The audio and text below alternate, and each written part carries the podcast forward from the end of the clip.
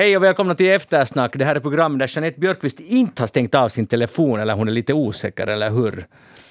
Jag tror att det kan hända att den är på det där den där vibrerings det där läge. Mm -hmm. Så att om det börjar surra något sådär konstigt så är det jag som är skyldig och då kan Magnus slå mig. Så alla som känner till Jeanettes hemliga nummer ska inte nu ringa? Det är inte hemligt. Aha, no, de som känner till hennes nummer ska inte ringa nu, helst. Vi är ju live i direktsändning och vi har kallat in från Mariehamn, Karlin Erlandsson. Välkommen med. Fred, Fredens öar, välkommen med. Tack så mycket. Var hälsad. Var hälsad. Och det var ju så här att jag, vi ska vara glada att, över att du är här. För att igår vaknade jag natten till torsdag att jag har inte kollat upp vem som är sidekick. För alltid på måndagar veckan innan, alltså samma vecka som eftersnack, brukar jag skriva till den person som ska vara i eftersnack att påminna att kom ihåg att det är på fredag eftersnack. Det hade jag inte gjort den här veckan. Och jag tror att det är typ andra gången under 17 år eller 16 år. Nå, så kollar jag schema. Ja, det är Karin hon är ju pålitlig. Så skrev jag ett mejl att visst kommer du, du svarar inte. Sen ringde jag och sen var du väldigt förvånad över att du skulle vara mm. här. Och vems var det felet då? No, det var verkligen ditt, men först tog jag det på mig. Vill ja. jag verkligen, för du, hade, du sa också då du ringde halv tio på en ledig dag, blev, vi, vi är ju inte så där jättetajta att, att vi skulle nej. ringa jätteofta. Nej, nej. Så jag blev nog lite förvånad. Eh, och så visade det sig då att du hade ju skickat ut ett schema och så sa du i telefon upprepade gånger att det stod där, kolla noga att dina datum. Och jag sa jo givetvis det är mitt fel, jag kommer. Ja. ja. Yes. Och sen började jag kolla min mail och så visade det sig att den listan hade jag aldrig fått. Mm. Och det kändes triumfatoriskt måste jag säga. Jag förstår det. Först ledde jag överlägset och sen förlorade jag totalt på extra tid. Det var så här att 6 januari skickade jag ut schema bland annat till Jeanette och i det här mejlet skrev jag också att Karin, välkommen med i det glada gänget. Men Karin var inte med på listan, på mottagarlistan. Men jag är nog en sån som alltid svarar på mejl. Tack, fint, alltihopa. Jag har alltid känt så i våren lite så osäkerhet. att Är jag nu med? Är jag inte ja. med? Men det förklarar ju det här nu, det här ja. mejlet som jag aldrig... Det här välkomnande ja. var faktiskt borta. Men förlåt. No, för all del, det är roligt att vara här. Ja. Hur löste det här sig sen? Jag hoppade på en båt tre, två timmar senare. Och det kallar jag hängivenhet ja. till eftersnack. Karin borde få något publicistpriset eller något lik, eller eftersnackpris i alla fall. Eller också kan vi bara slå fast att Åland är faktiskt inte så långt bort. Ja, det kan vi gärna slå fast. Välkommen med. Det, var, det är roligt du är här. Micke Andersén är tekniker idag. Jag heter Magnus Lundén. Programmet Eftersnack. Vi ska tala om veckan som gått. Och om vi talar om veckan som gått så måste vi tala om Kristi himmelsfärd. Jeanette, vad är det? No, det är den där dagen när, när Jesus lyftes upp till himlen enligt den här, den här bibeln. Ja, han åkte eh, klimatsmart, för det, ja, för det han fanns steg av sig själv. Ja, så borde vi ju alla resa. det skulle vara bättre så. Det där, eh, men hur många dagar efter, efter det här uppståndelsen var det? 40. Ja. Och om du tänker efter, när har du lärt dig det här? Här alldeles för en stund sedan när jag, det där, när jag det där läste min tidigare svenska pojkväns det där diskussionstråd om det här på Facebook. Så då, då, just Eller saken är att jag har ju säkert lärt mig det här i skolan men inte kommer jag ju ihåg det här. Jag kan ärligt säga att skulle du ha frågat mig i förrgår så skulle jag ha varit lite nog svävande på. Okej. Okay. Men bra du nu är. Karin, du är mera insatt, eller hur? Nej, alltså, Kristi himmelsfärd är ju vid sidan av pingst kanske lite av de här mer förvirrade högtiderna vi firar fortfarande. Vad menar du med förvirrande? Nej, men Alltså en stor del av, av ju, liksom tror inte på det här. Och så ska vi tro att, att uh, Guds son for upp till himlen på ett klimatsmart sätt. Det, mm. det är ju nog mest en dag att få liksom, sätta båten i sjön och så här. Just det. Så du, det var så du firade den? Fast du... Vi ska fara ut till stugan så det är motsvarande då man inte har båt. Ja. Skulle ha åkt om inte Magnus hade ringt. Precis. Men också hur firar man? Påsk har ju sina traditioner trots att de är också liksom kristna. Men, jul har, men hur firar man liksom Kristi himmelsfärd? Det finns ju inte någon tradition med det. Ska mm. vi alla hoppa högt? Liksom? Ja. Vad är grejen? Ja. Alltså jag tror att för de flesta är det ju en fantastisk möjlighet att de som har en sommarstuga att fara ut i sommarstugan. Alltså, det blir en lång helg och fredagen är sen lite speciell klämdag. Det är ju, på det sättet har det ju blivit ganska sekulariserat. Men hur många man så att säga uppmärksammar det här förut? För påsken är, då ska man ta det lugnt och lida liksom, och vara med Jesus lidande. Men jag vet inte hur, hur har man... Det, det ska vara intressant på riktigt att veta. Alltså åtminstone så har man ju... Uh, man hade ju liksom gudstjänst och högmässa igår, det hade man ju. Mm. Så att kyrkan firar ju på sitt bästa sätt. Ja. Och sen den där tusendolarsfrågan, förlåt var okunnig, eller, eller jag menar, jag tror att det här motsvarar ganska många. Äh, pingsten som du just nämnde.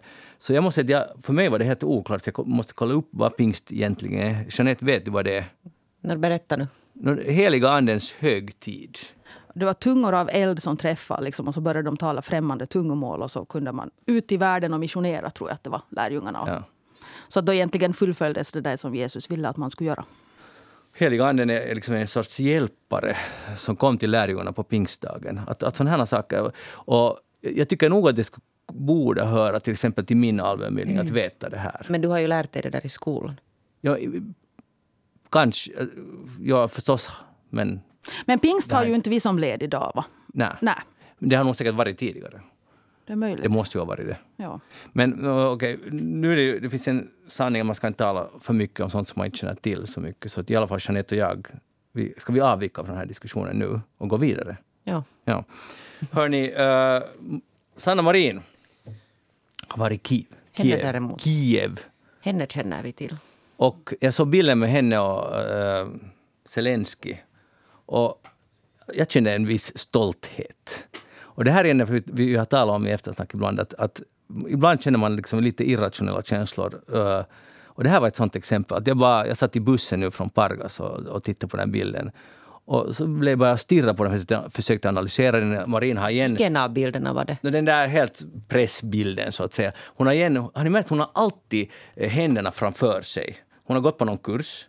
Uh, att man måste nu hålla händerna där. Och Zelenska är de liksom, liksom raka. Och han, han, ser lite ut som han spänner ut sitt bröst, alltså uh, Zelensky. Men i alla fall den här bilden, uh, på något konstigt sätt så kände jag stolthet över Finland. Uh, ska vi dissa det här nu? Nej, alltså jag kände precis samma sak. Alltså min spontana var jösses vad hon är cool. var ja. min också. Det är ju lite samma. Ja.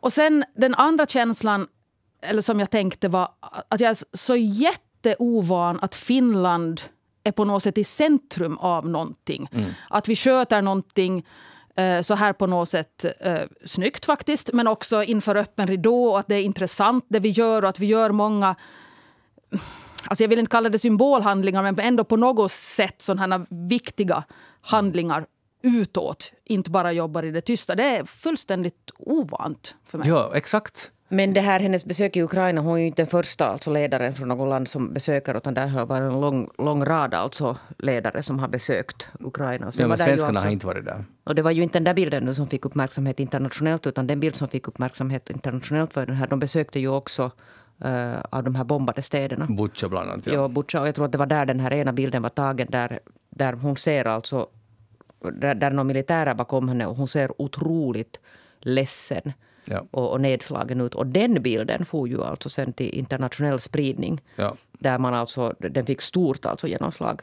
uh, ute i världen, bland annat via Twitter. Där man säger att hon är den enda, alltså den första ledaren som faktiskt har visat känslorna. Att man ser att hon är alltså helt, alltså hon är otroligt tagen av det vad hon ser där. Mm. Här är två intressanta spår, men det här Karins första, att, att för det första har ju Finland varit mycket mycket i nyhetssändningarna, eller i, fått mycket uppmärksamhet. Men sen också det som vi här på hemmaplan är ovana vid, som du sa. Och, och, vad är det månne som har hänt? Har du någon tanke kring det? Hur kan Finland plötsligt... För Marina har varit otroligt tydlig i sitt fördömande av Ryssland. Hon har varit verkligen och sagt att vi måste ha det här oljeembargot, vi måste göra si och så. Men är inte en kombination just av den här tydligheten, men den där tydligheten skulle inte vara lika kanske liksom värd att uppmärksamma ifall inte vi skulle ha den här långa gränsen mot Ryssland. Mm. Alltså det, det är inte kanske självklart att man hanterar frågan så tydligt som hon gör. Det kan finnas andra politiska vägar, kan jag tänka mig att många tänker. Ja. På något sätt. Och det är väl det som är, eh, imponerar. Ja, Finland håller ju, är ju inte riktigt där, men de här, det som har Baltikum, de tre baltiska länderna, sen uh, Polen, uh, vad har vi sen? Tjeckien och Slovakien, alla har varit otroligt tydliga och gett att det är så här. Och det här är länder som alla, alltså inklusive Finland, har historisk erfarenhet av Sovjet eller av Ryssland, rys, rysk aggression. Och de här talar ett helt annat språk än de flesta. Om vi går lite längre bort till Tyskland, velar nu lite. De har tagit emot jättemycket flyktingar och har gjort det supersnyggt och fint. Men annars velar de på grund av energiberoende. Och Ungern, det enda landet som är udda här är Ungern som också blivit invaderat 1956 av sovjetiska trupper. Men de är det enda landet som, som har den här Erfarenheter som inte går så tydligt alls ut nu. Men i övrigt så är Finland nu ett ganska, jag tycker ett fint gäng. Alltså Tjeckien, Slovakien, Baltikum. Det här är länder som vet hur det kan gå. Så att, så att, det, jag ser det kanske lite som så att, att på något plan så markerar vi att vi är i, i, det här, i den här gruppen av länder som vet vad det här kan innebära om man hamnar på fel sida om rysk aggression. Så på det sättet tycker jag det var jättevälkommet. Det där, vad var det din, du, du talade om känslor, ja. Ja. Känslor. Inte jag något annat än att det var, att det var stor beundran alltså ute i världen för det här att hon, att hon liksom att, jag menar sådana här politiker på den här nivån brukar vara hemskt bra på att hålla, hålla minen. Man kan liksom se saker men man ser alltid neutral ut. Men hon ser ju alltså direkt alltså ledsen ut. Alltså nästan så där att hon är färdig att börja gråta. Vilket man såg som någon stor styrka hos henne. Att hon vågar visa hur hemskt det är, vad hon ser det. Ja, men jag tycker egentligen att det Alltså det är ju absolut en styrka, men det borde ju vara helt självklart. Ja, det borde vara självklart. Men det var, tydligen är det inte alltså självklart. Eftersom men, det här fick så mycket uppmärksamhet. Men, men det är till och med som journalister nu som rapporterar från fronten, de visar ju ofta nu för tiden känslor också. Jag tycker det är helt rätt, för det vad man ser är så fruktansvärt. Och det som händer där, inte finns det ju något annat. Hur kan man hålla sig kall? Det finns den här gamla diskussionen om att Marin... Eller var det, vem var det som nu borde få visa känslor? Var det just Marin här för några veckor sedan? Uh, man borde inte få gråta och så vidare. Jag tycker det är, det är ganska patetiskt. Men jag tänker också att, att den här... Uh, många politiker... Eller det finns ju, det finns ju en allt större, tror jag, man känner att politiker är inte som vi och kanske också det här att, att politiker spelar en roll. Och det att nu då Marin visar känslor så visar ju att nu är hon inte i den här rollen. Och det är det som gör, gör det så otroligt sympatiskt. Då är hon ju som vi. Vi vill inte mm. ha politiker som spelar någonting. Vi vill ju ha såna som... Röst, demokrati funkar ju att vi vill ha såna som, såna som är som vi. Ja, men sen finns det säkert såna eh, situationer där en politiker kan anspela på känslor som inte är riktiga. Men jag tror inte att någon misstänker Sanna Marin för det i det här fallet i alla fall. Nej, det tror jag inte. Så att yes. Uh, vi, vi, går vidare här kring uh, Ukraina. Hon kräver, Sanna Marin hade då tre punkter. Bland annat att Europarådet ska ta upp det här med mera sanktioner och att Ungern måste, liksom, man måste få med Ungern i, de här, i den här linjen och många andra saker. Men det som är, uh, tycker jag är en sak som det talas ganska lite om är är, uh, i Ukraina så pågår det ju också, det här är bara ett exempel, det här är en helt annan sak, men eh, samma krig. Att två uh, ukrainska desertörer har dömts till 14 års fängelse för att de har hoppat över till andra sidan. Och, och det här får ganska lite uppmärksamhet. Uh, om det skulle vara i Ryssland så skulle man ju bli upprörd, med rätta. Och, men hur ser ni på det? Ni läser en nyhet om att två, det var nu två killar, eller var det till och med tre, de blev nu den här veckan dömda till 14 eh, års fängelse för uh, förräderi och för att de är desertörer. Åsikter kring det här? Men det är så mycket vi håller på att lära oss. Desertör och förräderi är ju inte ord som jag använder och har en relation till. Mm. Så att nu måste på något sätt ta ställning till det och förstå det. Är sådär, alltså det är en helt ny värld Uh, som... Nej, men det är alldeles uppenbart. Det enda jag kan säga liksom är att det är alldeles uppenbart att krig förlorar alla på. Det är inte en bra sak med krig, men det visste vi ju redan. Ja, men det kan nog vara lönt att uppmärksamma eller upprepa det. Putin visste det inte, eller vet inte det. Han tror fortfarande att det är en bra sak. Det är helt tydligen. Jeanette, eh, för I Finland så det är ju väl dokumenterat i okänd soldat, så i Finland så sköt man desertörer att det är så det, och det är det som säkert Karin du avser, det, vi förlorar alla, för det blir sen så här att om inte du är med oss så är du emot oss. Men de har i alla fall inte skjutit de här, de har nu satt dem i fängelse. Jo, det är den där också att det där, om man tänker liksom sådär att, att det där, man då på något sätt skulle lyckas tvinga sådana här omotiverade soldater ut på, på fält. Så det är omotiverade soldater. Det är ju inte alltså några goda soldater man har i sådana här människor. Nej, de här hoppade över till ryska sidan, sen blev de gripna senare. Mm. Så att de har liksom på riktigt då deserterat. Men, men ja, no, det är nu så här. Sen i Ryssland, sen å andra sidan, så här är en... Uh, uh, myndighetsperson som skryter över hur mycket de har lyckats censurera 38 000 eller någon form av meddelanden som de har liksom lyckats stoppa som sprider ut uh, fake-nyheter om kriget. 38 000 meddelanden, 117 000 uh, vad ska jag säga, när, in, 117 stycken innehåll hur man ska definiera det, på webben har de lyckats ta ner. Allt handlar, och det är alltså fake-nyheter om kriget. Enligt Ryssland. Alltså enligt, enligt Ryssland. Ryssland. Enligt Ryssland alltså fel. Och det där, uh, och och då, har, då har de lyckats rädda 202 miljoner användare från att få falska nyheter. Eh, och det här skryter de med. Det här är alltså en bra sak, att se så duktiga vi är. De kom ju det, där, det är ju de här stora nordiska dagstidningarna. Där är Helsingin Sanomat, Dagens Nyheter, så där norska och, och danska tidningar som alltså tog en sån här linje att de har ju börjat skriva alltså på ryska nyheter om det här kriget. För att det liksom någonstans ifrån ska sippra igenom mm lite alltså objektiva nyheter också. Och de är ju nu blockerade från igår. På något sätt har de lyckats stänga ner dem så att det inte alltså helt enkelt går att komma in på dem. Men, men det är alltså, om vi tänker ett modernt samhälle, och nu har ju världen så att säga nog gått bakåt, men att i all hast bestämde man i Ryssland att falsk information är bestraffbart, i värsta fall 15 års fängelse. Och falsk information är all information som inte motsvarar den information som försvarsministeriet går ut med. Så det betyder att det som är helt uppenbart är sant, är falskt om det går emot det. Alltså det är ju 1984. Ja. Det är ju exakt så. Och också väldigt svårt för oss att förstå som lever med fri press och uh, fullständig demokrati. Det, jag tror inte att... Det är ju ett liksom, hjärntvättat folk från början. Men, men tänk, ja, ja.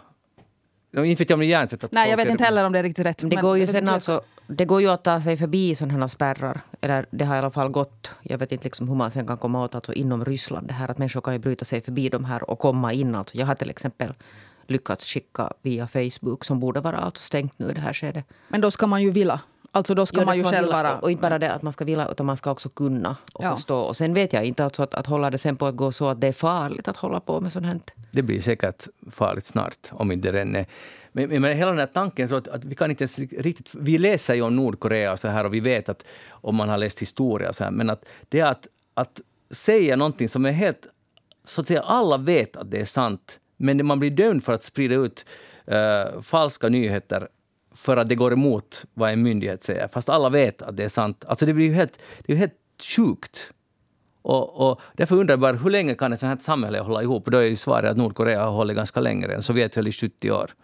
Så att, att det, det finns inte något på det sättet hopp om snar förbättring. Men det är också eskalerande. Alltså de, de måste hålla tajtare och tajtare och tajtare. Och det är väl ja. kanske paradoxalt nog det som är hoppet. Att man kan inte bara bestämma en gräns utan man måste flytta hela tiden och flytta den inåt. Och det är ju det som till sist kommer att bli fallet, ja. tänker jag. Ja, ja, ja, för att Nordkorea skiljer sig på det sättet att det har ju alltid varit så där. Exakt. Att nu, nu håller de på att kringskära ett samhälle som ändå har levt i öppenhet här. Ja, och det där är bra poäng. Det är säkert det enda hoppet, eller liksom det största hoppet som finns. Och den här, det finns det här ryska popband, rockbandet DDT, vars sångare, eller i alla fall frontfigur, nu minns jag inte hans namn, men det är ungefär som Eppo Normali skulle gå ut, Martti Syrja skulle gå ut på en konsert och säga att det här kriget är riktigt skit, att vi, vi måste vara emot det. Och hela publiken skriker ju och, och, och mot det här kriget. Det var här i veckan i Sankt Petersburg.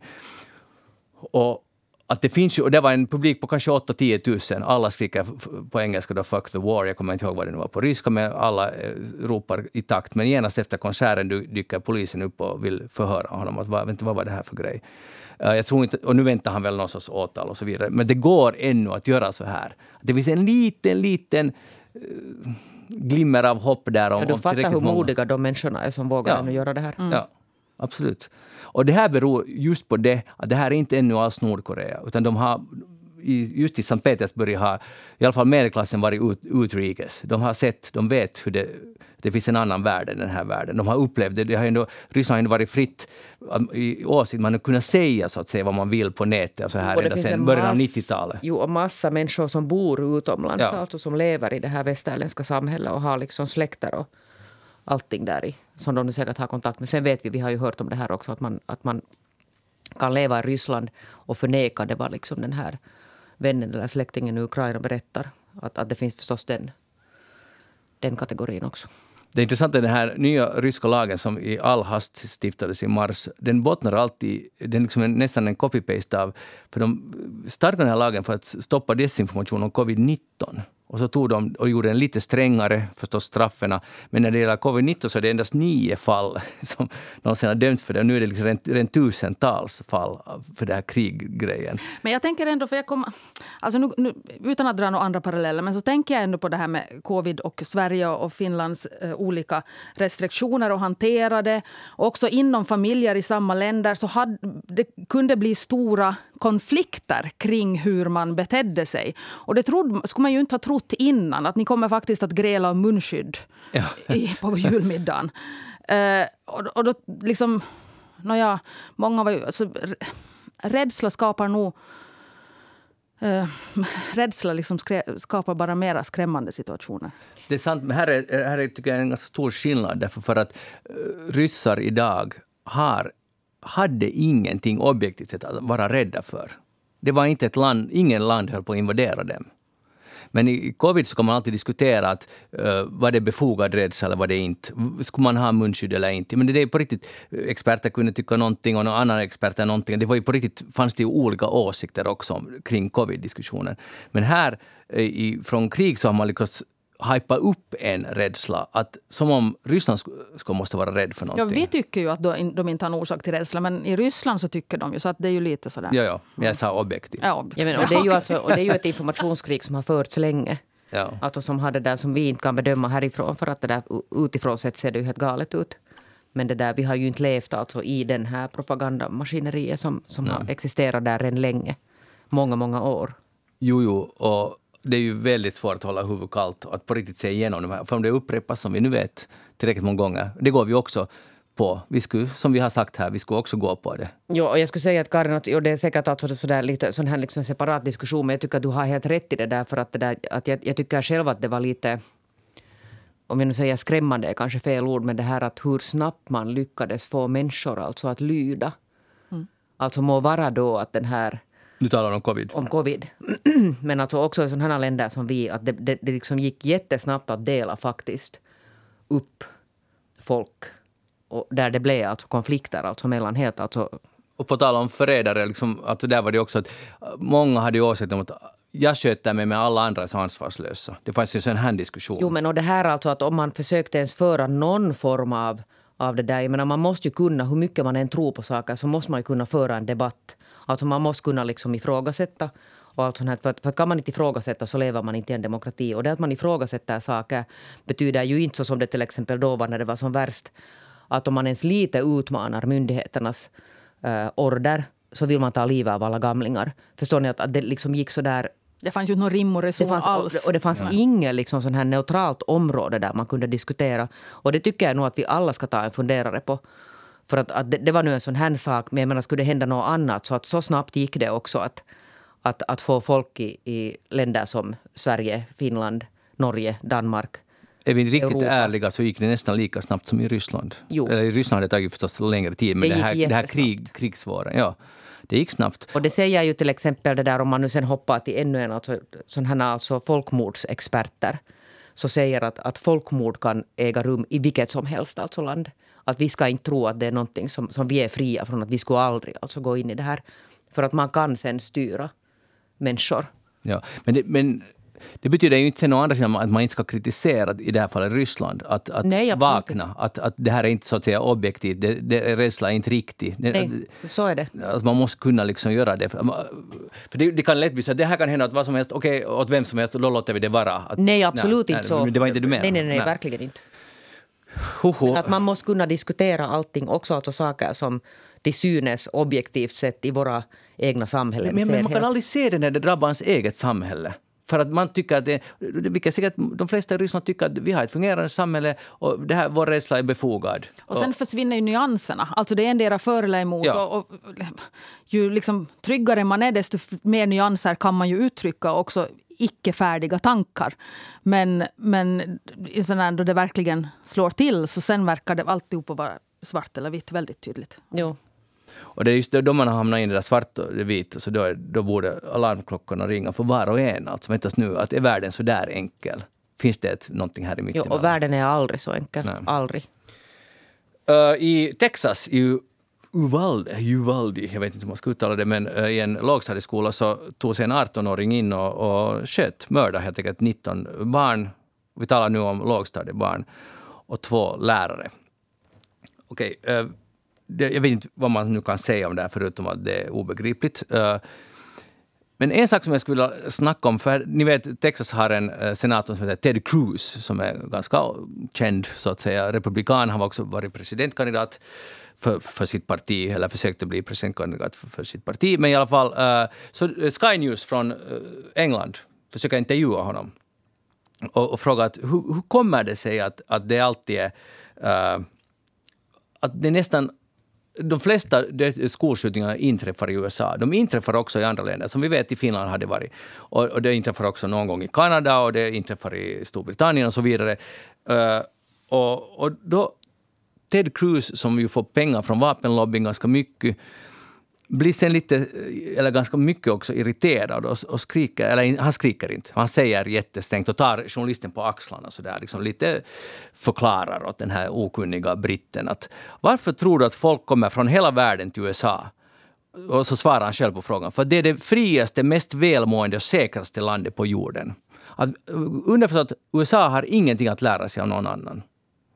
Och, och, och det här igen, det här påminner mig lite om Ryssland faktiskt. När man är, så, man är en stormakt och man är så övertygad om att vi har, vi har ingen, vi behöver inte lära oss av någon annan. Att vi är, vi är bäst.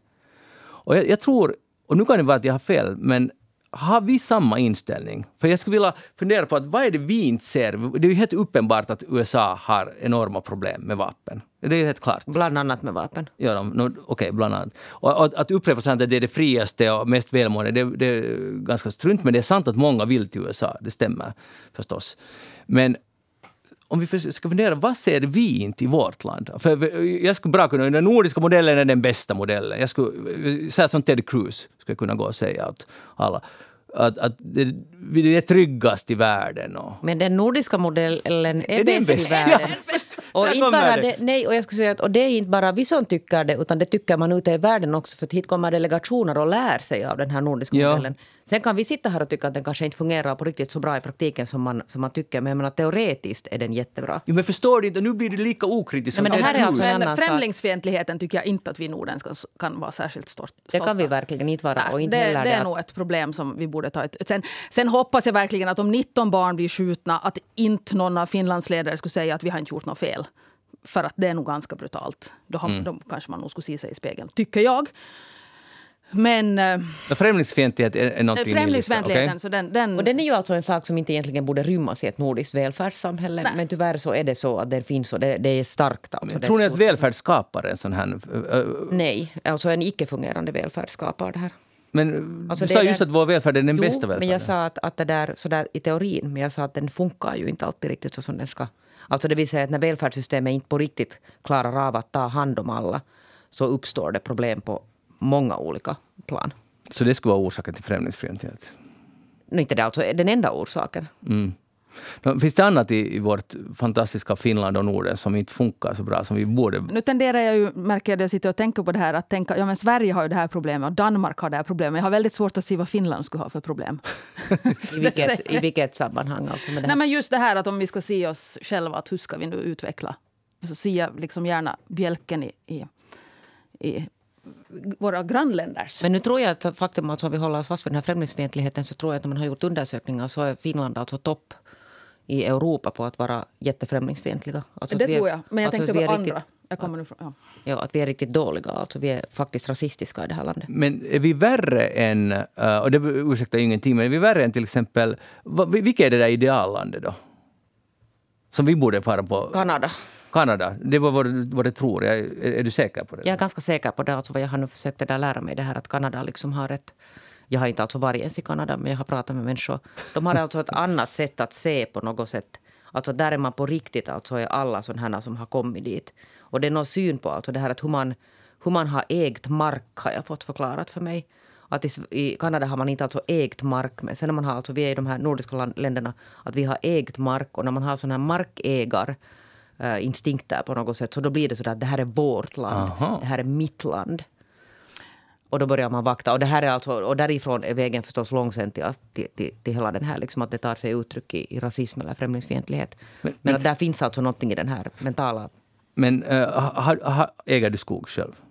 Nej. Okay. Har du någonsin tänkt, tänker du aldrig att det här, är, det här är mitt land, det här är vårt land? Är det, liksom, är det allas land? Hur, hur, hur ser Finland. du själv på Ja, Finland.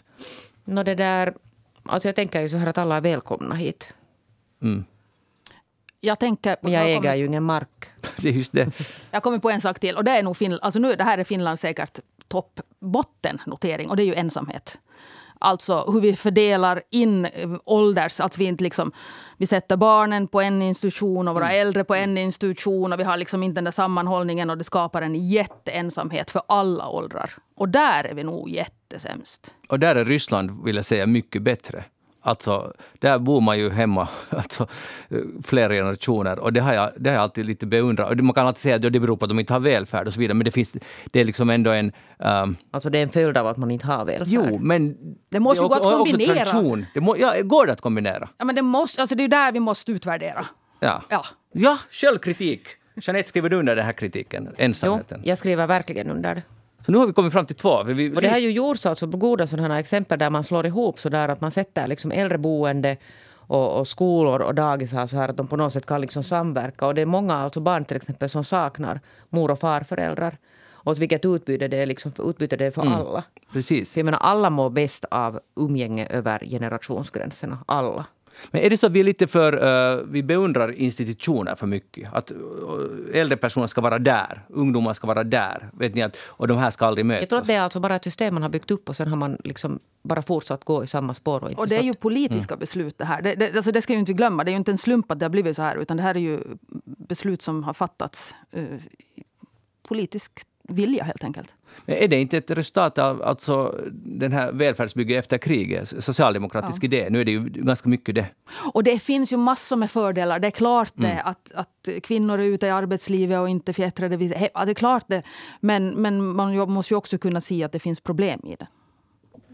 I Mycket vad? välkommen med självkritik. Att kvinnor inte är på jobb. Att, att kvinnor är på ja, jobb. I, i, det här liksom, eh, institutionstänket. Ja, just det. No, nu bidrog vi lite med lite självkritik, hälsningar till Ted Cruz och jag tycker verkligen att USA och Ryssland båda ska se sig riktigt ordentligt spegel, som Nini Stowe också påpekar. En bra sak. Och vi ska också göra det. Jeanette Björkis, vad har du tänkt den här veckan? Det kan hända att jag någon gång har talat om det här tidigare, men det här vet ni när man, är, när man det där umgås med människor så finns det alltså, det finns liksom kanske tre olika kategorier. Det finns de som är jättegenerösa och bjuder gärna och betalar. Alltså bjuder på det sättet att man liksom betalar. På krog eller? På krog. Ja. Och så finns det de som det där kanske någon gång eller sen så att de står för sitt eget hemskt noggrant. Och så finns det såna som inte någonsin vill bidra alltså till någonting. Och det där, jag har alltid haft jättestora problem med, med den här, att jag kallar det att jag vet, girighet, med såna här snåljåpar vet ni. Mm. Som jag aldrig har riktigt förstått mig på. Och jag tänker att no, strunt samma, då bjuder jag ju gärna att, att är den nu så snål. Och då talar jag alltså om snåljåpar som alltså i princip har råd att betala men man bara helt enkelt vill aldrig delta. Eller de här som sitter sen när man får den här kvitton. Man sätter att, att, att vi tar liksom allting på samma, på samma eh, räkning och sen delar vi upp det liksom jämnt. Och då finns det de här som sitter. Ja men nu hade jag ju bara för 16 euro och 10 cent. Att du hade ju faktiskt för 18 euro och 20 cent. Vet att det finns de här som sitter mm. jättenoggrant. No, men nu har jag läst alltså det där, jag råkar ramla över en artikel i någon som heter ET-lehti som jag inte ens riktigt vet vad det är. Men det, är det är en pensionärstidning. Det är en pensionärstidning. Ja. No, ja, men här skriver de sig om det här. Och nu har jag plötsligt fått en förklaring till varför det kan vara så att människor är jättesnåla med pengar. Att det kan ha alltså härröra sig till barndomen om man upplever att man inte har alltså fått kärlek och trygghet. Så börjar man klamra sig fast alltså vid saker. Till exempel pengar blir för, kan för en sån människa bli alltså en sån här trygghet som man måste vakta och ha liksom hålla till sig. Och det här kan alltså helt sådär, fast det, du, lite sådär... Jag rynkar lite på näsan. Du rynkar lite på näsan och log, men det finns alltså helt det där. Jag tror att det kan finnas alltså någon helt... Jag tror inte att alla snåljåpar har haft, haft kärlekslösa hemmen. Men det, där är något som har brustit alltså i barndomen som gör att man, man kan klamra sig fast vid saker eller vid pengar eller någonting och så blir det liksom en symbol för trygghet när man är gammal och då vill man inte avstå det. Och, det där. och sen har man då, alltså, då förstår man inte att det där som de skriver här att, att det kan ju till och, till och med alltså uppfattas om du är den här typen som alltid kommer med och aldrig någonsin betalar för dig. och aldrig någonsin bjuder utan alltid bara blir bjuden på. Så det kan alltså i vänskapsrelationer uppfattas som en aggressiv handling. Att är jag inte, att är jag inte värd en bulle? Att vill du inte ens betala en bulle åt mig? Förstår ni? Att, att det, det, uppstår liksom, det kan uppstå jättemånga problem. Okej, men nu när du har fått den här nya insikten, har du liksom är du helt överöst av förståelse? Nej, inte nu? alls. Aha, inte det, men tvärtom? Jag, jag, men jag tog till mig det här rådet att man ska någon gång alltså ska man säga helt rakt ut om man har sådana människor som är... Att du är en snåljobb? Att du är en snåljobb. Att du har faktiskt råd. Mm. Jag vill lite invända mot en sak som du sa här. Att sånt här som man, vet, man vet att de nog har råd. För vi vet väldigt lite om folks privatekonomi. Nej, men du vet alltså när det finns såna som man faktiskt vet. Jeanette om privatekonomin. Och, och du ska veta, uh, Karin, att Jeanette vet. Hon, hon tar reda på okay. folk. Ja. Jeanette är en sån alltså. person som har varit, om jag inte missminner mig, har erkänt också här i eftersnackssändning, hon har varit kolla in mina inkomster okay. på skattebyrån. Okej, okay, just i ditt mm. fall så, så tar vi bort, men så där generellt så, så är jag liksom just det där, man vet inte vad folk har. Om någon har suttit, okej okay, jag har råd att komma med, men då tar jag bara salladen. Och sen bara, ja men vi delar på notan och bara, ah! mm. Då är det liksom jättejobbigt att vara den som säger att äh, jag har inte riktigt eller, för det är på något sätt en skam det här med att inte... Ja, men man blir just anklagad för att ha en dålig barndom mitt i allt. Fast Nej, man bara inte har råd. Ja, jag är lite nu på Karins sida faktiskt. För att ibland, alltså, eh, det finns olika, som du sa förtjänstfullt just att det finns olika typer där på krogen. Och, och, och ibland kanske man inte har pengar. Uh, och, som du sa Karin, och, så vad gör man då? Om, om det finns någon sån här no, men vi delar det här på, på, på fem, vi har ju alla ätit samma, men det är någon som faktiskt inte har gjort det. Nej, och vet du, saken är den att jag är alltid den som har ätit minst, det kan jag säga. Alltid den ja. som har alltså i princip lägsta. Men du har någon sån här besatthet att du vill vara sådär, mm, inte snål. Nej men alltså jag är sådär övergenerös. Alltså sådär ja, men vad, vad beror det på? Har du haft... vet jag inte. Vad kan det berätta om din barndom? nej, men det kan säkert bero på att om man har varit ganska fattig och liksom levt tajt Just så blir man glad sen när, man, när det går bra. Då vill man ju liksom dela med sig av sin det är fint. Det är fint. Sådär socialdemokratiska tecken. Exakt, så det lönar sig att gå med Jeanette på krog. Man är sitt eget lilla välfärdssamhälle. det är det här vi lär oss. vi far och festar med Men alltså, det, är det, det är det att ideala världen och riktiga världen möter inte varandra alltid. För det finns alltid någon, tycker jag, som... Det, de flesta vill säkert tycka om sig själv. Jag, jag är frikostig, för mig spelar inte fyrk någon roll. Men sen kanske det inte alltid är så. Och så är det någon som är jättegnidig om sina cent hit och dit. Och sen bryter det den här förtrollningen på något sätt. Förstår ni att om det är någon som så att säga, alltid utnyttjar det här att no, vi delar det på fem, men det är alltid samma ja, typ som tar... har beställt in champagne. Ja, och här finns alltså en viktig poäng, det här just att det är systematik. Alltså det handlar ju inte om man en gång alltså går någonstans, men sådär att om man nu umgås mm. liksom i några sådär ungefärliga, alltså mot likadana kretsar så märker man att där är alltid en som Ja, då blir man, och då får jag lite så att nu vill jag nog uh, skipa rättvisa i det här fallet. Ja. Om det är någon som systematiskt alltid utnyttjar det här, så då, då blir jag sån att jag räknar procent. Om det är att jag tog salladen och jag tänker inte betala en cent Men till. om det är den som aldrig går liksom och tar vet du, bische åt ja. öl, alltså att, att det är den som alltid sitter i bordet och får den där ölen. Då ska man säga att nu är det din tur att gå. Mm. Gör du det? Jo, alltså definitivt. Om, det är no om man märker att det, igen, det, man måste stoppa sådana här systemfel. Alltså, så gott du blev lite, du tycker också att det är... Ja, ja, ja systemfel ska stoppas. Men hej, Jeanette, om uh, Karin och jag och du, om, om vi, det skulle vara så lyckligt vi skulle gå ut nu på ett glas vin efteråt. Och vi alla sätter oss ner. Och så kommer... Nej, och sen... Ingen av oss har stigit upp och gått och beställt. Vem går först? Men du har väl varit ute med mig så många gånger att du vet hur det här går? No, inte har du någonsin bjudit mig på någonting. Alltså Magnus Londén. ja, jag har inget alltså, sånt minne. På riktigt? Då har, jag bjud, då har jag bjudit dig för mycket så ja, du har glömt vara, bort det här det, det. för att det där kanske ah. hundratals gånger. Handlar det här nu om mig? Nej, det handlar inte om dig. för, för det i så fall Mm. Men det där var nu den Hundrat, värsta lögnen. Hundratals gånger! Det var den värsta lögnen uttalad i detta program under ja. hela dess historia. Jag tänker nu börja följa upp det här. Hundratals hörde, gånger. Vi har ögonvittnen. Hörde. Vi har alltså, många, jag skyller dig, hur många öl är det skyld? 500 du, Nej, nej, du har nog bjudit tillbaka också. Ah, jag har gjort det? Jo, jo, jo. Ah, det har jag också inte, glömt. Men när du påstår att jag aldrig har bjudit dig på något. Nah, så okay. det var en lögn. Okej, okay, förlåt. Men, äh, men är det, är det, skulle det ingå i din liksom, ditt karaktärsdrag? Du skulle rusa dit och, och köpa tre glas vin åt oss? Jag är nog lite sån, ja. Okej, okay, och vad skulle du Karin göra sen? Om vi skulle, nästa. Ja, och jag skulle bjuda tredje. Ja, och så skulle vi sitta... Ja. Vi är perfekta människor. Ja. Det är helt så otroligt. Det. Ja. Vad fint. Karin Erlandsson, författare. Vad har du tänkt på den här veckan? Jag har tänkt på 4 000 bitar Ålandspannkaka. Ålands pannkaka? Ålandspannkaka. Ja, det är 100-årsjubileum. Vi har 100-årsjubileum 9 juni. Och vi har firat ett år, men det kommer att bli ett och ett halvt år. Och kungen ska komma och, kung, och presidenten, alltså det, det, nu, det är liksom... Det håller på, Åland håller på att lyfta av detta nu. Vi är så... Eh, alltså det här känner jag, nu måste du berätta. Alltså. No, eh, 9 juni i år ja. så är det 100 år, sedan, eh, 100 år av självstyrelse. Ja, ja, precis. Mm. Mm. Och det kulminerar detta eh, års 9 juni. Och eh, landskapsregeringen har beställt 4 000 bitar Ålandspannkaka som ska serveras på torget, bland annat. Uh, och det här har jag funderat mycket på. Okay. Men vem har lagat? Vem ska laga ja, nej, det, det, det var offert och grejer. Så det är en restaurang som har Ganska bra deal. Är det Micke Björklund? Nej, det var inte han som fick den här.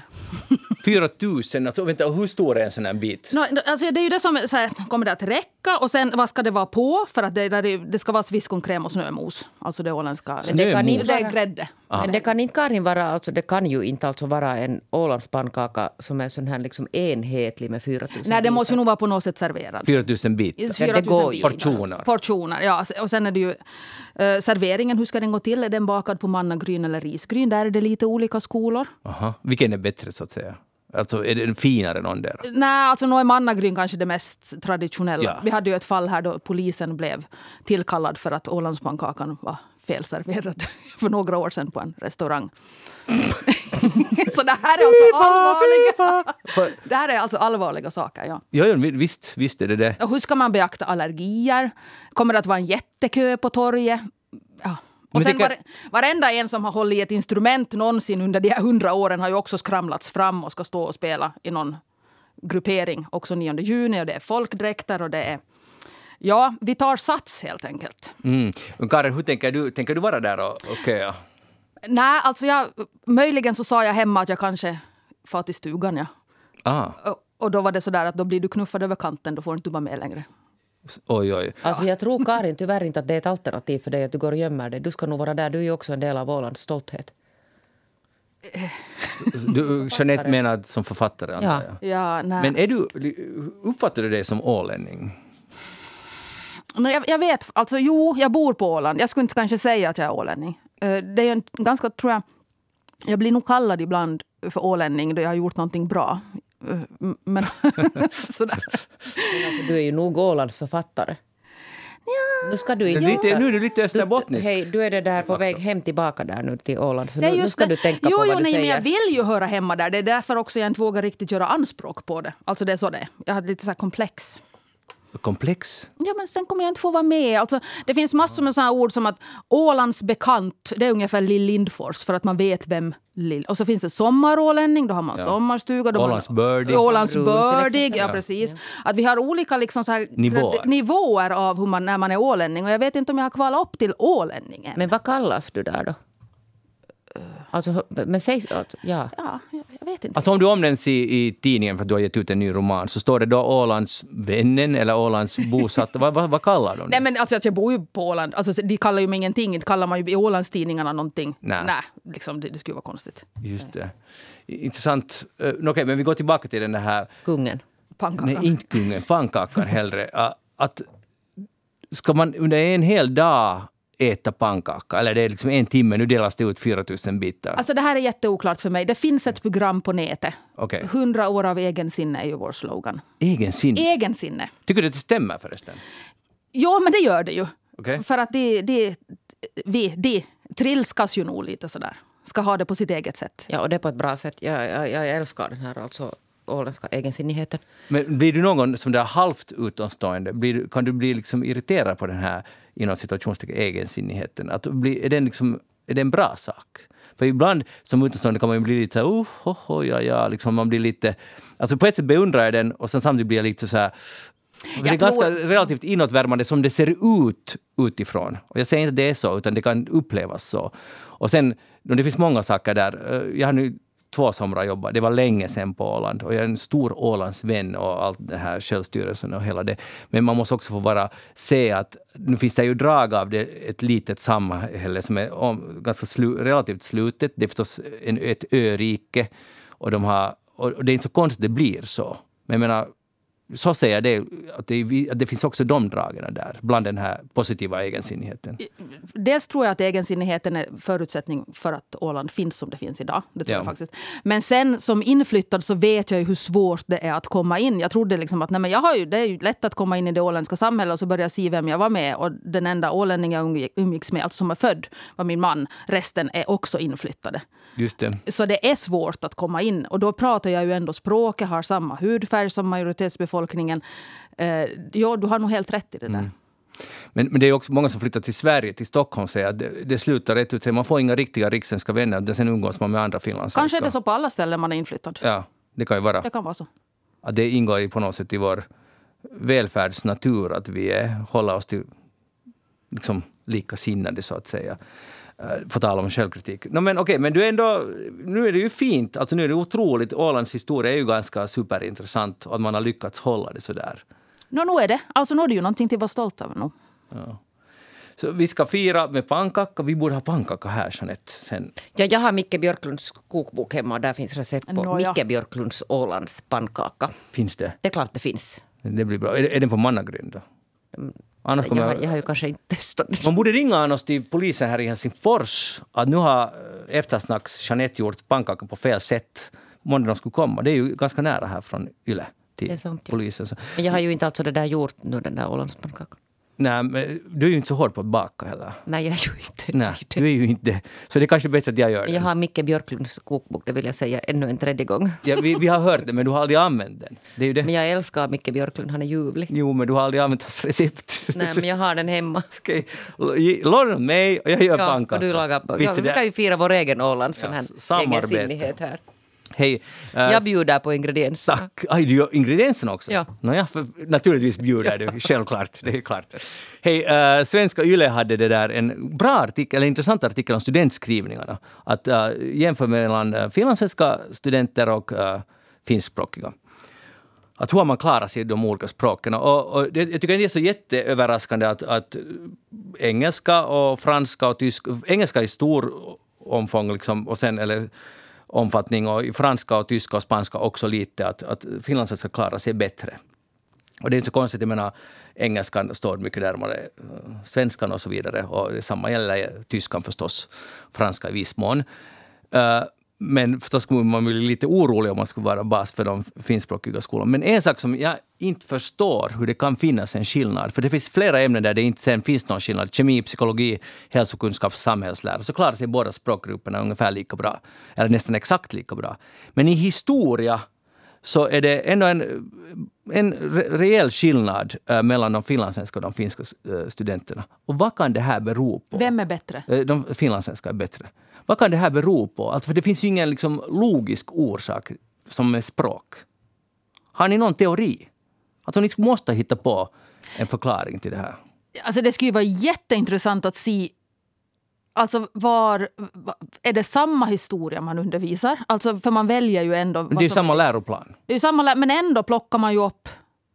Mm. Var finlandssvenskarna lite mer fokus på liksom den utvecklingen, mm. slaget vid Jutas, någon i sig. Ja, så här. ja, alltså, det, alltså skiljer det liksom i nyanserna. Sen lär, alltså lärarutbildningen, hur ser den ut? Mm, pedagogiken, pedagogiken kanske. precis. Men, men, men i kemi, psykologi, hälsokunskap, samhällslära, det är helt på pricken samma. Men jag tänker på det där att hur liksom, är det någonting med det här att, att den här liksom historiens äh, plats i, i samhället? För att, för att finlandssvenskar är ganska duktiga tycker jag på att vi har framstående historiker som är mycket framme till exempel i offentligheten. Att historia är på något sätt en ganska levande del av, av vår offentlighet också. Men påverkar det en, en 16-åring där? I... Det är klart alltså det kan påverka på det sättet att det liksom är ett, ett, ett liksom tema bland andra som mm. man liksom kanske talar om hemma, som man stöter på. Mm. Och det där, nu säger jag ju inte att det inte skulle vara så på finska, men det där... Men menar, tänk nu på vurmen för våra krig är enorm i Finland. Ja, men det är en, det är en begränsad del förstås. Det är en otroligt begränsad del av det. Men det är nu ändå nu är det nu säkert några kapitel och alltid någon fråga i studentskrivningarna som handlar om det. Men jo, det är ju ändå en väldigt liten del. Men, för jag kommer inte på, jag, jag kan inte man tror alltid man vet att man kan förklara saker. Men det här, för mig finns det ingen, det kan inte, eller det finns förstås en förklaring, men vad den, vad den är. Om jag ska vara historielärare på finska skulle jag faktiskt fundera på det här. Men hur stor? För det är ju alltså, samma frågor. Men stod det alltså någonstans om, ja samma utbildning, alltså samma undervisning har de ju haft Ja. väl på det stora hela. Att vad är den där skillnaden? Ja, skillnaden är eh, i medeltal får en, där 5 eh, motsvarar M, så får finlandssvenska 4,9 och eh, uh, finskspråkig får 4,5. Och, och det här kanske inte låter som så stor skillnad, men det är en ganska stor skillnad. För att det borde inte vara någon skillnad. Det borde inte finnas. De rubricerar här om att det är så enorm skillnad i engelska och det var lite större nog än det där skillnaden. Men, men att, och det var en sån här markant att hur det här är möjligt. Och där är ju en helt klar förklaring, vilket också uh, både Pamela Granskog vid Utbildningsstyrelsen och engelskaläraren Ida Vainio i, i Gran, Grankulla säger att det, är helt, det finns helt förklaringar till det här språk, språk språket kan förklaras. Men de tar inte upp den här historiefrågan. Nå, i, engelska säger den här Ida Vainio, läraren, att då man har svenska som modersmål har man en viss fördel i engelska. Det finns så många strukturella likheter mellan språken. Till exempel artiklarna och meningsuppbyggnaden kommer naturligare för någon med svenska som modersmål. Ja, så, så de finlandssvenska klarar sig bättre? Jo, Ja. ja. mycket bättre. Och sen säger Pamela Granskog det här eh, som en bra point, att, att, för det har varit ganska mycket snack om att de finlandssvenska skolorna inte är tillräckligt bra. Vet de, de, dålig kvalitet och, eller sånt. Och jag tror inte på det, men, men, men det har varit så ibland sån diskussion. Och nu säger hon, Granskog säger citat, ofta talar man om att den svenskspråkiga skolan har sina utmaningar, till exempel brist på läromedel och läroresurser. Därför kan svenskspråkiga studenter verkligen glädjas över sitt resultat, oavsett vilket resultat man fick. Alltså lite stolthet, och det här undersökningen visar ju på det. Är ni stolta? Över studentresultaten? Ja. Nå, jag har nog inte faktiskt, ungefär som Kristi himmelsfärd, att jag passerar bara. jag förstår. Det är bra, men jag är, jag är stolt. Och jag kan nu berätta att uh, Mischa Eriksson, rektor, och jag kommer att skriva studenten jag kommer att skriva på riktigt och han kan inte skriva när han är rektor, för han är jäv och allt sånt. Men jag ska... Han kan väl skriva i en annan skola? Nej, det går inte. För, men jag kommer att skriva i franska uh, på hösten. Bra Magnus! Jo, jag kommer att dra ner det här finlandssvenska medeltalet. Och det är lite skit. ja, men det, det, det var lite dåligt. Ja. Ja. Nej, men du ska gå dit och förnedras. Jag ska göra det. Jag vet, det du... Alltså nu kanske Karin inte vet, men han har alltså stude- studerat då på Duolingo. Ja. Ska, kanske du måste göra någon liten ansträngning och läsa dina serieböcker också. Men jag försöker hela tiden. Men Karin var med en gång när vi talade om franskan. Ja, och du sa att jag ska läsa. Och jag har, jag har försökt. Men det, Bra! Det Jag är stolt inte. över dig. Ja, tack. Men det, det blir inte någonting. Men jag, jag försöker. Det där... No, har ni någonsin sökt efter bilder på nätet? Efter bilder. Ja, att ni har ett fotografi och sen... Men, men förstår du, det här att man... Att söka att var har det varit tidigare. Ja, Jo, det är en del av mitt jobb Ja, bra. att granska. Utmärkt. Okej. Och nu finns det då en app som heter PimEyes. Där, som är mycket mer avancerad än det. Och det här används naturligtvis för alla polisen använder sånt här mycket, för det finns ett Clearview AI som bygger på det att man, man har ett foto av Jeanette och sen hittar man alla andra foton av Jeanette som någonsin har publicerats. Förstår du? Utan att kunna veta vem du är så hittar du alla bilder. För det, ja, AI kan liksom analysera ditt face så pass bra. Men nu finns det då en, en som är tillgänglig för vem som helst som heter PimEyes. Där jag har då ett foto på Karin och så... Eh, jag har fast tagit den bilden själv. Och sen sätter den ut, eh, laddar upp den till den här appen och sen spottar den ut alla foton som finns på nätet. Med Har du med testat det här? Nej, jag tänker aldrig testa det. Alltså varje gång jag hör något sånt här så tycker jag, alltså, för med jämna mellanrum uppstår den här diskussionen att var ska det få finnas övervakningskameror utanför? Ja. Alltså på, i offentlig miljö. Och så hör man sånt här, eller ens barns snappar där man vet vad varenda familj är på sitt höstlov för att man har sitt liksom... Ja. Ja. Och så hör man, alltså, det, det finns ju inte något privatliv längre. Nej. Och det här bevisar det, för att allt kommer fram. Och deras businessidé är att man betalar en, en månadsavgift. Och man kan söka, och man ska först lova att man söker bara på sitt eget face, men det kollas inte upp på något sätt. Så jag hittar alla bilder Jeanette, från din historia. Allt som finns publicerat hittar jag på dig. Och sen så har de en extra feature, att man kan eh, säga att skulle ni kunna ta bort den här och den här bilden av mig, men det kostar, det är sen ett premiumpris. Så att nästa gång jag söker på Jeanette, om du har blockat några av dina bilder, du har gjort ett eget sök på dig själv, du hittar bilder som där du inte är så fin dagar, så kan du ta, få bort dem och, genom att du betalar för det. Och det är deras, egentligen deras businessidé, att man liksom städar upp efter sig själv. Men alltså då, då plockar de ju bara bort sökfunktionen. Jo. De kan ju inte plocka bort den från nätet. Nej. Så då är ju egentligen och så säger de att man måste göra det regelbundet för att sen publiceras kanske någon annan den här bilden på nytt och då kan de ju inte, då måste betala en gång till för att ta bort just den träffen. Så det är en, alltså ganska bra affärsidé. Ja, visst är det det. men ganska vidrig. Men så här kommer, det här är den värld vi har, att det finns absolut ingen privatliv. Det är allt som någon någon gång har publicerat av dig, på vilken fest som helst, så, så hittas nu. För det skillnaden ju den då att att jag behöver inte ens veta vad du heter. Skulle man ha ambitioner inom politiken skulle man bli livrädd nu. För där hittar man ju sen de här bilderna som ja. kan fälla dem. Men jag undrar bara alltså det där om det faktiskt fungerar. No, enligt det, här, det är alltså en ganska stor grej. Jo, jo alltså det där är säkert alltså till någon mm, Intressant. No, det är så här det är. Hej, ABBA har haft sin uh, Voyage och jag hörde på Sveriges Radio, det var en ABBA-fan som var helt lyrisk. Hon, hon, sa att det var som att ha varit på riktig konsert fast det är då avatar, abbatarer som uppträder. Det var i England någonstans. Uh, Karin, är du ABBA-fan? Uh, no, nej, inte sådär desto mer. Nej. Jeanette? Tänker du, skulle du vilja gå på en sån här konsert? Nej, jag tror att jag har varit lite skeptisk till de här avatarerna här. Men jag blev så övertygad av henne. Alltså, jag blev så, för att hon, hon sa att det var som att vara det var, det var som att leva 70-talet på nytt. Att de, det är liksom en konsert där de är, och de ser ut att vara 25 till 30-åringar eh, där på scenen. Och det är som att se, vara liksom på en konsert under 70-talet. Och ljudet är perfekt, de dansar där Men på Rigge så sitter de hemma i soffan och ja, ABBA. Ja, Alltså, det här är också... Ibland blir världen bättre. Jag tycker att det här är en ganska fin sak. Jag tycker, du, ska, jag tycker du ska gå och testa den där.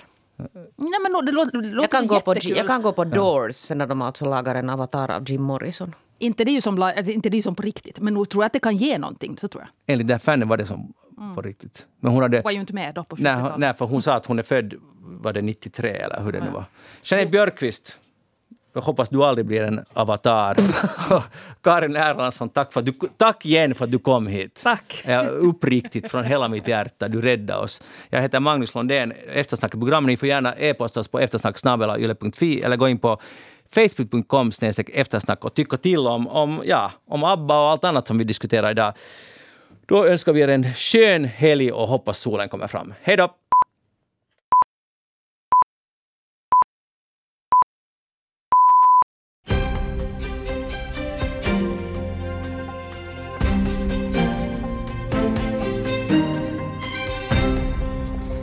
Domen föll idag i ett nästan 30 år gammalt mordfall.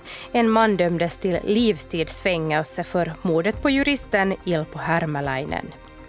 I Ukraina anklagar president Zelensky nu Ryssland för folkmord i Donbassregionen samtidigt som det inte syns något slut på förstörelsen i landet. Och I sporten ska det handla om nästa års ishockey-VM som också det ordnas här hemma. Och naturen den tackar då veckoslutet inleds i regniga tecken. Allt det här i nyheterna klockan 16 med mig, Frida Holmberg.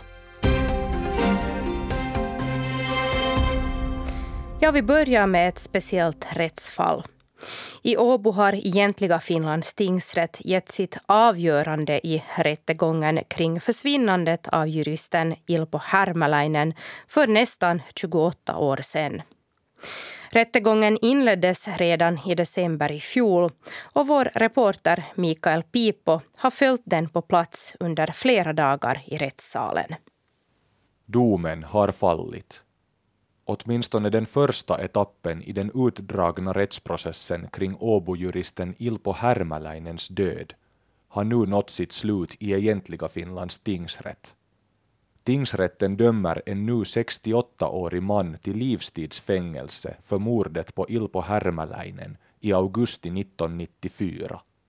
Enligt distriktsåklagare Nina Merivirta sköt den dömda mannen Ilpo Härmäläinen till döds på sin segelbåt för att dölja en bedrägerihärva som båda männen var insyltade i. Tingsrätten gav åklagaren rätt